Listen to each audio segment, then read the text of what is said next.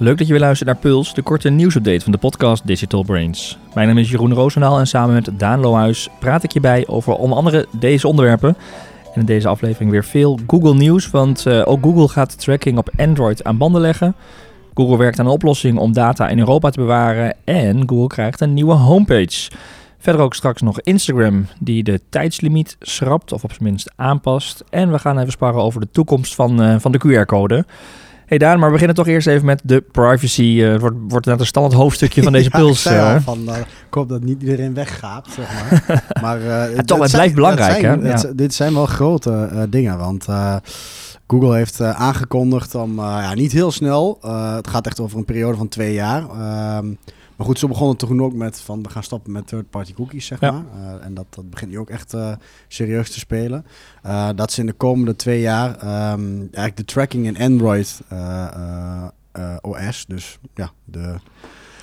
Alles wat niet Apple is, ja, naast Apple is, Android. En dus wat ja, op, op hoofdlijnen wat Apple ook ongeveer heeft gedaan. Uh, als in, ze halen een advertising ID bijvoorbeeld. Dat zijn eigenlijk de cookies op Android weg. Dus waar je tussen apps kunt tracken. Mhm. Dus eigenlijk exact hetzelfde wat uh, Apple ook heeft gedaan met het uh, transparantie framework. Het grote verschil is natuurlijk dat Google eigen technologie daarvoor in de plaats zet. Dus wat ze gaan doen is de privacy sandbox. Hetzelfde idee als ze voor Google Chrome ook eigenlijk inbouwen. Ja. Dus waar we het vorige puls nog over hebben gehad. Die topics bijvoorbeeld. Ja, ja. En dat speelt daar een rol in. Dus dat je op basis van bepaalde onderwerpen wel bepaalde tags meekrijgt. Maar die worden dan op de, uh, op de gebruiker op de telefoon bewaard in die privacy sandbox, zeg maar. Ja. Dus dat, en het privacy sandbox idee is dat je dan dus niet eromheen kunt gaan en, en kunt kijken hey, welke apps staan er allemaal op het apparaat ge, geïnstalleerd. Zodat je alsnog een soort fingerprint hebt van Mhm. de eindgebruiker. Het is echt gesandboxed en dat zijn de dingen waar een app bij kan. En de rest wordt eigenlijk afgeschermd. Ja. Dus Maar en dat is een grote Google, beweging. Google kan natuurlijk nog wel overal bij uiteindelijk. Want Google heeft, dat is, dat is ook een beetje het verschil met Apple. Apple heeft wel echt de privacy eh, gedachte als, eh, als leidraad. Terwijl Google volgens mij gewoon ook berei- voorbereidt op hoe zorgen wij dat we in ieder geval zoveel mogelijk data krijgen. Dus dat Exact. het niet- naar derde gaat, oké. maar het is wel allemaal gericht op dat Google nog wel veel van je weet. Ja, dus het is, en dat is eigenlijk de hele first-party data strategie, waar we Ja. natuurlijk met veel klanten bezig hebben, dat de klant ook uiteindelijk bij jou bewust registreert. Maar dat moet allemaal dus transparant, want uh, uh, je moet dus een relatie hebben met jou als bedrijf, bijvoorbeeld om jou te kunnen tracken. Als je bent ingelogd in de Facebook-app bijvoorbeeld, heeft Facebook ook geen probleem. Nee. Het probleem ontstaat, en dat is ook waar Facebook nu ook last van heeft, met alle, Ja, uh, die, die hebben een redelijke terugslag gehad, ook in aandeelhouderswaarde en in Ja. omzetten en dat soort dingen, is dat ze niet cross-app kunnen tracken. Dus ze het is moeilijker geworden om op een apparaat te zien, uh, hey, uh, je hebt bijvoorbeeld Netflix, die heeft een advertentie, ben je nou abonnee geworden, gebruik je de app van Netflix, doe je daar Ja. in-app aankopen. Facebook Of- kan dat helemaal doorrekenen, ook in andere apps. Hè? Kon heel veel meekijken. ja, die konden ook meekijken. Ook zijn apps geïnstalleerd of hebben mensen een transactie of doen ze iets waardevols in een andere app, zeg maar. En dat is helemaal ja, teruggebracht. En dat gaat Google nu dus ook doen. Mhm. Um, ja, behalve dus als je dus in bent gelogd met je Google-account en waar je met Apple ja. iCloud hebt, wat natuurlijk niks om advertising, daar betaal je ook gewoon voor.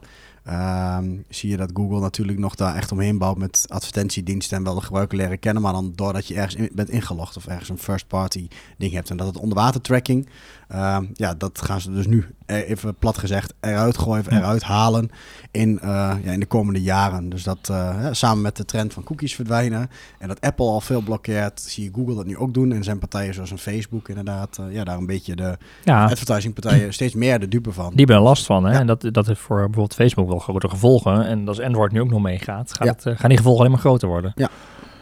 Oké, okay, um, maar het, wordt nog even, het gaat in ieder geval over een lange tijd uitgerold worden. Niet van vandaag op morgen in één keer. Ja. Uh, wat ook nog niet van vandaag op morgen opgelost is, is uh, ja, het vraagstuk rondom de data uh, en de opslag van data vooral. Hè. we hebben dat eerder ook behandeld ten aanzien van de AVG, GDPR, ja. uitspraak in Oostenrijk. Van dat toezichthouder. illegaal zou zijn en niet meer zou mogen. Ja, dat was toen paniek. Ja. Um, maar inmiddels lijkt Google wel te werken aan een oplossing binnen ja. Europa. Ja, wat ze dus, daar was ook iedereen zat daar een beetje naar te kijken van, oké, okay, wat gaat Google nu doen? Want het is niet, Google Analytics is niet letterlijk verboden, alleen in die case, in dat geval, hebben ze gezegd, Google Analytics uh, mag daar niet. En als je dat breder zou trekken en je haalt die case eraf, wat in principe eigenlijk elke website in de hele EU is zo'n beetje, uh, dan, zou je, dan krijg je dus de situatie dat dat door wordt getrokken en dat elke website dat niet mag. Dat is nu nog niet het geval. Uh, maar ze bereiden zich dus wel op voor, want Google geeft aan, dat is 4 februari, van goh, we hebben de case in Oostenrijk gezien.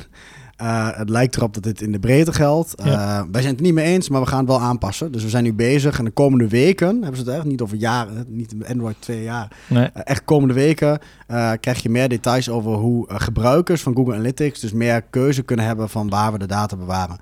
Um, in de privacywereld is nog wel een beetje gaande van... ja, maar het blijft een Amerikaans bedrijf, Google mhm. Analytics. En dat is een probleem, want de, dan kan uh, de, eigenaar... de FBI kan zeggen... hey, lever de data in en dat is ook een probleem. Uh, maar toch zie je dat Google Analytics in ieder geval niet stil zit en niks doet. Dus, um, maar dit wordt waarschijnlijk, wat jij toen een beetje voorspelde, misschien gewoon een vinkje. Ik wil het opstaan in uh, Europa. Zeggen, ik wil mijn data in, uh, in Europa bewaren en dat dat een van de voorwaarden is waaraan je voldoet. En ik weet niet hoe ze voor de rest het doen. Dat ze zeggen, we hebben een aparte BV voor analytics in, in Europa waar de VS-overheid niet aan mag komen. Ik weet niet hoe ze dat op gaan lossen. Maar uh, Google geeft ook al aan, als wij dit probleem hebben, dat zeggen ze in de tekst en uitleg een beetje bij, is elke iets met analytics, een bedrijf wat ook maar een entiteit heeft in de VS, mag dan niet meer. Dus dan moet je echt een puur Europees bedrijf hebben wat geen enkele constructie of relatie heeft met de VS of het buitenland. Dus bijna niet, niet te doen. We binnenkort hebben we nog een deep dive over de internationale groei en hoe al die grenzen vervagen. Ja. dat is bijna niet meer. Nee, dus als er dan ook een partij is in uh, Europa, bijvoorbeeld, uh, ja, ik noem wat, een e-mail provider of weet ik wat, die dan toevallig een Amerikaans moederbedrijf heeft, mag het ook niet meer. Nee. Dus Er zit, het zit breder, geven ze aan, maar ze nemen stapjes om dus ja, vinkjes te kunnen zetten. Hm. Dan zou je bijna zeggen dat de grenzen tussen Europa en Amerika weer groter gaan worden, weer harder gaan worden, de, de muren. Dat, ja. daar ziet het niet uit. Hey, even, je bent nog wat van de feitjes. Weet jij wanneer de eerste versie van Google uh, online kwamen. Heb je nog een idee? Volgens mij was dat 1997 of zo, 98. Oh echt? Dat weet je gewoon. Uh, ja, ja, dat weet ik. Ja, dat, dat Heel scherp. Ja, dat is echt voor jou. In 1997 hebben ze internet. domeinnaam geregistreerd. In 1998 ja. was de allereerste versie van de Google homepage uh, live. En dat was toen iconisch ook, omdat ze gewoon alleen maar een zoekbalk hadden en ja, helemaal niks. We kwamen uit een tijdperk van Alta, Vista, en, en Ilse. Ilse, ja, er waren Lycos.nl en zo. En dat ja. zat dan helemaal vol met allemaal links en dingen die je kon doen. En zeiden gewoon clean zoekbalk. Ja, ja, maar goed, daar gaan we wat in veranderen, want dat is natuurlijk uiteindelijk het haakje. Uh, er komt namelijk een, uh, een complete make-over van de Google homepage. Um, en dit lijkt wel eens uh, de, de grootste verandering ever te zijn. We hebben natuurlijk wel eens te maken gehad met nieuw logo.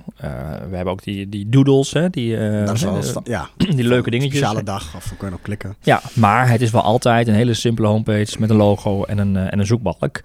Um, maar nou ja, goed, het, het gaat veranderen. Um, dit is op basis van wat, uh, ja, wat uitgelekte informatie, nog niet officieel bekend. Uh, maar het ziet er nou uit dat de homepage meer kaarten gaat krijgen. Okay. De Google, dus meer, dus meer dan alleen maar de zoekfunctie. Uh, kaarten bijvoorbeeld met aandelen, weer, lokale evenementen, maar ook bijvoorbeeld corona-nieuws. Um, en, dat is de verwachting, dat er natuurlijk ook wat kaarten besteed gaan worden aan advertising. Ja. Maar uiteindelijk is dat het businessmodel en ze zijn continu... Ja. functies en zo. Want ik zie het al wel een beetje terug in de... Mobiele app van Chrome. Ja, ik krijg ook heel vaak van die push notificaties en die, ja, toch is dat gebaseerd op je browser en je inloggedrag. Precies wat we net over hadden, die first party data die Google over mij heeft. Die stuurt soms akelig goede notificaties waar ik toch dan even naar ga kijken. Terwijl ik echt, ik heb alle notificaties uitstaan, alleen die als hij ze stuurt, dan zijn ze vaak wel raak. Dus ja. en dat zegt Google ook. Hè. Het gaat steeds meer om personaliseren, dus relevant zijn. En in een, in een, als je de Chrome-browser een nieuw tabblad wil openen, dan krijg je al uh, dus zo'n opzoek met nieuws wat voor jou relevant is op basis van je gedrag.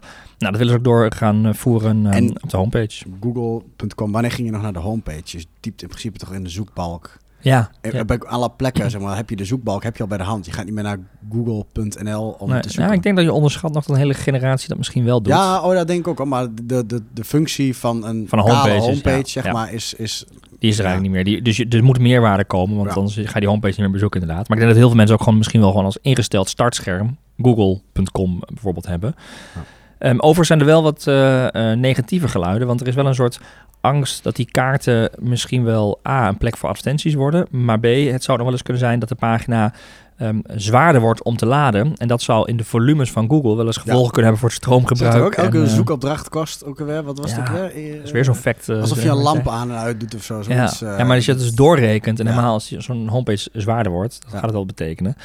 Um, maar goed, ik zei het al, het is niet officieel bekend. Het zijn natuurlijk wat geruchten en uh, ja, uh, in de wandelgangen. Uh, maar ze verwachten wel dat Google dit misschien tijdens hun jaarlijkse I.O.-presentatie, die meestal in de lente plaatsvindt, dat Google daar bekend gaat maken. Dus we gaan dat... krijgen eh, sowieso altijd heel veel updates. Hè? Want vanuit Google I.O. krijg ik ook altijd heel veel nieuwe beta's en launches Ja. van ads. En eh, Ja. daar zijn we altijd redelijk druk mee. Dus eh, Ja, dus we gaan, eh, we gaan het afwachten en natuurlijk eh, in onze puls eh, ook zeker volgen. Eh, een mogelijke nieuwe homepage voor, voor Google. En dan nog, Daan, een, ehm, ja, eh, misschien wel een beetje manipulatief, maar eh, ik weet niet, gebruik je wel eens de, de schermtijd, althans dat je zo'n zo'n max limiet in kunt stellen? ehm, nee, ik, zou het wel kunnen overwegen. Maar op zich eh, heb ik het redelijk... Je kunt het redelijk jezelf onder controle. Je, eh, ja, ik word er op een gegeven moment een beetje gaar van. Van Ja. eh, Instagram of, of TikTok. Ook na 10 minuten denk ik echt bij mezelf van... Nou, Wat doe ik hier? nou is het mooi geweest. ja, Ja. Nou goed, het helpt je soms inderdaad als je je schermtijd wat wil afremmen of gewoon bewust wil zijn van hey, ik zit alweer een kwartier op een bepaalde app. Dat je dan dus met zo'n schermtijd een melding in kunt stellen op je Apple Wel mijn op kinderen iPhone. trouwens. Ja, bijvoorbeeld ook. Kun je beperken. Wel, wel, die schermtijd, als ze langer dan anderhalf uur per dag Netflix kijken, dan gaat het slotje eraf. Ja. Ja. Wat ik ben gesmeekt, ik moet wachtwoord. nee, nee, Nee. morgen. Nou, zo beschermt het je kinderen of jezelf. Ja. Eh, maar bij Instagram is er nu iets gebeurd. ehm, en eh, daar kon je altijd kiezen voor ook een, eh, een mention of zo'n melding bij 10 eh, of 15 minuten. Nou, die opties zijn geschrapt. Eh, het gaat nu alleen maar naar 30 minuten. Vanaf 30 minuten kun je dus meldingen instellen. En ze pushen eigenlijk op drie uur. Dat je pas na drie uur een melding krijgt. Ehm, en de, ja, er is wat... wat, Die dark UX van kies maar de drie ja, uur optie. het is, het is, eh, ja, er wordt heel erg gestuurd op langer. Eh, de andere opties worden een beetje eh, zonder aankondiging. Verder worden die in één keer verwijderd. Ja. Dus dat geeft wat, ehm, eh, wat negatief sentiment rondom, rondom het merk. Wat het al niet zo goed doet natuurlijk. En ja, we weten het gaat om de time spent. Ehm, eh, Facebook of Meta heeft te maken met een stagnerende groei. En mogelijk is dit een van die aanpassingen waarmee Ja. ze proberen die groei eh, toch een beetje in beweging te krijgen. Ze kregen al eerder de kritiek dat ze intern groei voorop stelden dan geluk van gebruikers Ja. en negatieve sentimenten. Dus Dat blijkt hier ook alweer uit, hè? Dat ze, ja, maar nu natuurlijk het bedrijfsresultaat tegenvalt. ja, En van dat alle scheelt. grenzen... eh, Ja, ik wou zeggen, dat is niet echt een, een, een, dat je zegt het juiste moment om die cultuur om te gooien. Het wordt nog moeilijker. Ja. Omdat dat, Ja. eh, ja. En hè, het is, ehm, eh, TechCrunch heeft screenshots gezien ehm, ehm, en een anonieme bron die vergeleken wil deze overstap ook een beetje met de tabaksindustrie. Die zeggen dan, of die zeiden in het verleden van dat je je pakjes per dag kunt beperken, eh, Mhm. maar vervolgens zijn de kleinere pakjes weggehaald. Dus je Ja. gaat inderdaad pakjes per dag, maar grotere pakjes. En dat, dat voelt hier ook een beetje. Zo van, eh, je kunt nog geen, steeds beperken, maar je kunt alleen niet meer de kleinste opties kiezen. Eh, en dat is ook een beetje het imago van die platforms eh, wat dat betreft. Dus ehm, eh, de vraag is wat het met gebruikers gaat doen. Ik geloof niet dat, precies wat jij zei, jij hebt ook niet, niet heel veel gebruikers met dit soort limieten rekening gaan houden of dat gaan in gaan stellen. Maar het, het zijn van die kleine stapjes die Als Meta ze iets zet. schrappen, Om, doen ze dat niet voor niks. Dat heeft waarschijnlijk precies, effect. het heeft wel effect. het gaat wat doen, Ja. inderdaad. Hey, en de QR-codes, Daan. We zijn inmiddels helemaal eh, gewend aan QR-codes. We hebben het ook wel eens, eh, volgens mij um, jaren geleden in een van de eerste podcasts ook al gehad van, ja, gaat dat verdwijnen? Hè? Of die, Is de die snap... QR-code dood? Is, ja, volgens mij hebben we daar zelfs een, eh, ja. een, een, een podcast aan gewijd. Ja. Toen kwam wel volgens mij Snapchat weer met die QR, eh, die spookies die je Ja. kon scannen, ook in, op, op, billboards. Maar goed, mede dankzij corona is de QR-code actueler dan ooit. Ehm, en ondanks dat nou, hier in Nederland bijna de QR-code afgeschaft is, of afgeschaft is inmiddels, eh, ehm, heb je natuurlijk nog wel de, de vraag van, ja, is daarmee ook echt de QR-code gaat die verdwijnen? En jij zag bij de Super Bowl al wat, en je dacht van, nee, dit blijft misschien wel echt... Nou, ik zag hem niet. Onder ik ons. zag ook onder advisors van... Hey, Iedereen, kijken eh, wat ze ja. hebben gedaan. Want Super Bowl ads zijn altijd in de VS natuurlijk een beetje zo'n moment... wat iedereen met de tofste reclames Ja. komt en de celebrities. En ik heb wel een beetje nagekeken. Het is ook... eh, ik dacht nog van, zal ik hem noemen als een soort van must-see? Ik denk, nee, het is wel echt Amerikaanse cultuur. Ja. Je moet ook een beetje voor mij Amerikaan zijn om sommigen te snappen. te begrijpen. Ja, Ja, soms zijn eh, heel plat of dan gebruiken ze lokale celebrities eh, Ja. die de- met een bepaalde twist of humor in de commercial. Maar binnen Amerika is Super Bowl het evenement het moment voor, eh, voor de grote advertenties en ja. statements te maken. En, eh, en, wat, eh, en er kwamen heel veel eh, crypto eh, eh, Mhm. natuurlijk bedrijven op de Super Bowl af. Eh viel me ook op, ik ben zelf een beetje Formule 1 fan. Oh ja. op, op de Red Bulls en, en, en voor mij Formule 1 zelf allemaal gesponsord door die crypto eh, Ja. van die handelaren. Ehm, maar goed, er was dus ook een eh, in de Super Bowl ad en eh, er was, die hebben gewoon een QR-code. Eh, 30 seconden lang. Als een soort screensaver stuiterend over het scherm. Dus dan heb je gewoon een heel uitgebreide, woeste gecreëerde Ja. campagne van Fart of zo, van Lees. Heel veel En dan keer ja. gewoon purp, met zo'n soort techno onderdeuntje. Tut, tut, tut, tut, tut, tut, waar gewoon zo'n QR-code. Een beetje met zo'n regenboogkleurtje die een beetje versprongen als een beetje ja, een oude screensaver. Mhm. Die over het scherm heen liep, 30 seconden lang. En daarna eh, ja, werd hij abrupt afgebroken en begon de volgende ad. Ja. En er was dus van een, eh, ehm, een, eh, een, een, een Bitcoin-app, zeg maar, waar je dus Bitcoin kon handelen of Ja. inkopen. Ja, crypto En die gaven, hè? eh, Coin- ja, die, die Coinbase. gaven hè? 15 dollar aan crypto weg bij registratie ook. Alleen het was ja, ook wel een beetje de talk van de Super Bowl. Ja. Zeg maar van, wat was dat? Dus er was zo'n Ja. verbazing. Wel, wel onvoorstelbaar hoe je met zoiets simpels dan inderdaad dat ene moment van dit jaar helemaal kunt claimen door Ja. met een, gewoon een simpele QR-code. En eh, eh, dus dat heeft ze ook wel veel opgeleverd. Eén gigantische fail. Na een tijdje de, crashte de site volgens mij.